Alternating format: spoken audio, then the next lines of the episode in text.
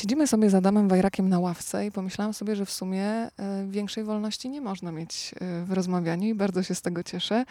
Powiem ci, Adam, że mentalnie zamachałam ogonem. Myślę, że taki stan istnieje po przeczytaniu książki Lolek.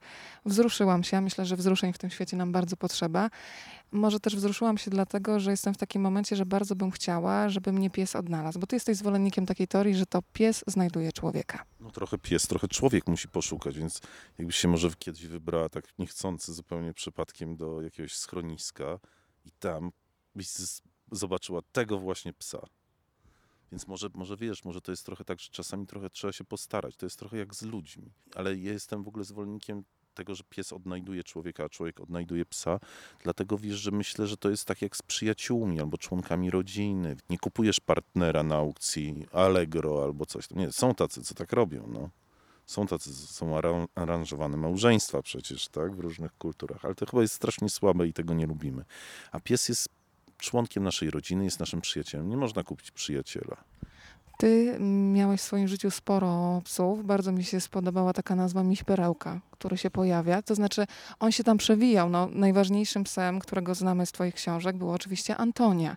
I do Antonii jeszcze na pewno wrócimy, ale ten miś perełka, skąd on się wziął i dlaczego miś perełka? No więc wiesz, ja nie miałem wielu psów. Znaczy, psy w moje życie wprowadziła Nuria, bo wiesz, jak byłem mały, to ja bardzo chciałem mieć psa. I moja siostra, którą pozdrawiam, Małgosia, która jest strasznie zwariowaną psiarą i adoptuje różne dziwne psy, e, jest psiarą, ale myśmy nie mogli mieć psów, bo ja byłem uczulony na sierść psią. I miałem różne zwierzątka, nie miałem psa i było mi strasznie smutno.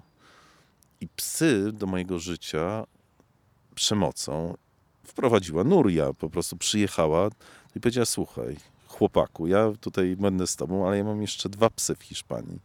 I przywiozła te dwa psy, przywiozła e, trapa, takiego bardzo fajnego cocker spaniela, jedynego psa, który nas słuchał tak naprawdę, bardzo dobrze wychowanego, ale bardzo dzielnego i też bardzo walecznego. No jak, on był trochę, ja użyję tego porównania, Boże, tylko że nie wiem, czy mnie nie zabiją, jak Tadeusz Mazowiecki, taka siła spokoju. I on, słuchaj, on trapo, jak wszyscy go denerwowali, denerwowali, to mogło trwać latami i w końcu, jak go bardzo zdenerwowali, to on po prostu robił momentalnie porządek z, z tymi innymi psami.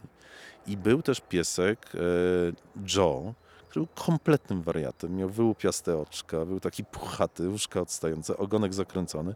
Ten ogonek się gryzł i wyglądał jak taki standardowy piesek starszej pani. Taki szczekający, wyłupiaste oczka. Ja pomyślałem, że ta nazwa Joe kompletnie do niego nie pasuje. Miś perełka. A, to czyli Joe był misiem perełką. Był misiem perełką i, i pomyślałem sobie, dobrze, to będzie teraz misio perełka. Adam, ja sobie pomyślałam, że dzisiaj ta książka Lolek będzie pretekstem do tego, żeby porozmawiać trochę też o bezwstydności w okazywaniu uczuć, bo to mi się kojarzy z psem. Czyli jak jest radość, to po prostu ogon macha psem. Jak jest ból, to pies wyje. Więc tak też bezwstydnie chciałabym cię zapytać o to. Zapytać cię o miękki głos, który się pojawia w e, twojej opowieści o Lolku. Czyli historia spotkania z Nurią, bo mówisz, że Nuria, Nuria, Nuria. Ci, którzy cię kochają, doskonale znają, ale chciałabym, żebyś przypomniał i tym samym też mm, przypomniał no, takie ciepłe uczucia, które też są nam potrzebne. Jak, skąd wiedziałeś, że Nuria to jest twój człowiek? Bo takie rzeczy też się wie. To będzie, wiesz co, to będzie trochę, to jest taka trochę historia z cyklu, zaprzeczenie historii, której opowiedziałem, opowiedziałem poprzednio, że aranżowane małżeństwa się nie udają, więc moje było trochę aranżowane, bo ja pojechałem wiesz na Spitsbergen i moi przyjaciele odebrali Nurię z samolotu, Piotrek Jachowicz i pomyśleli, oho, to jest dziewczyna, z którą Wajrak będzie szczęśliwy. I zrobili wszystko, żebyśmy się spotkali.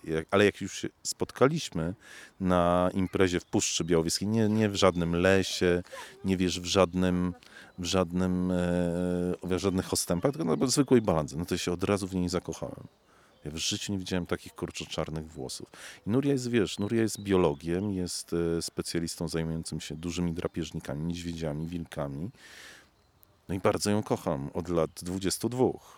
Bardzo ją kochasz. Ja też uwielbiam, jak opisujesz to, czym się Nuria potrafi zajmować i czym, czemu poświęcać swój czas, bo mówisz, że się zajmuje drapieżnikami. Do czego to się czasami sprowadza, codzienność?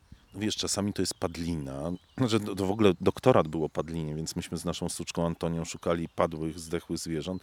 Jak wiesz, jak, jak, jak była zima, to było okej, e, jak one były zamarznięte na kość. Natomiast jak w lecie, po prostu jak to śmierdziało, jak łaziły te larwy much, no to było coś okropnego. I Nuria wtedy sobie wtykała po prostu, takie robiła sobie czopki z papieru toaletowego, wtykała sobie w nos, brała takie gumowe rękawice i tam je badała jak na jakimś po prostu archiwum Mix. Jest bardzo dzielna, a ja po prostu stałem obok i zbierało mi się na wymioty, czasami wymiotowałem. Powiem ci tak, nie znam Nuri osobiście, ale już ją bardzo lubię i przekaż jej te wyrazy sympatii. Mam nadzieję, że w końcu będziemy miał okazję uścisnąć dłoń, kiedy odwiedzę was w Białowieży.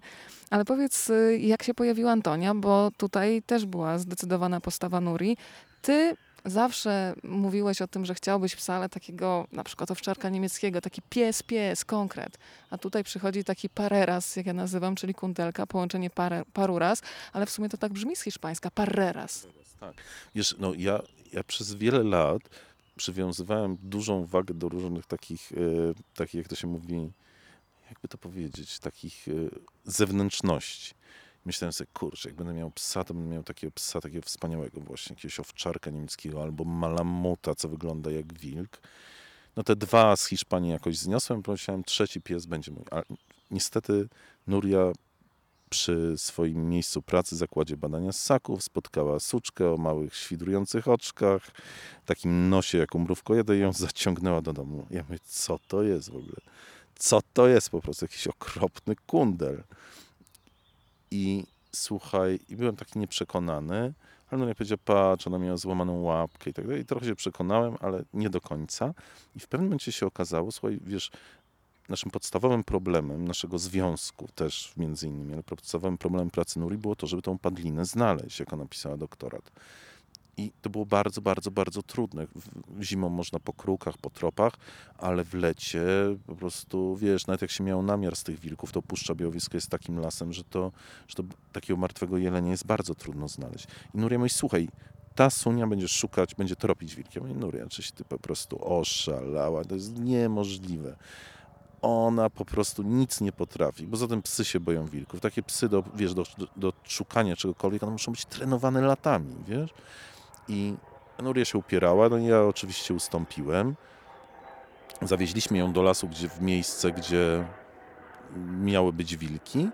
Lata ten samolot, ale sobie pomyślałam, że trochę tak jakby się Państwo przysiadali do nas na ławce w parku, też by tu siedzieli, też by ten samolot słyszeli, więc może nie będziemy przerywać, opowiadaj. Dobrze, więc było tak, że wiesz, że, że pojechaliśmy w to miejsce, gdzie, gdzie były wilki, prawdopodobnie.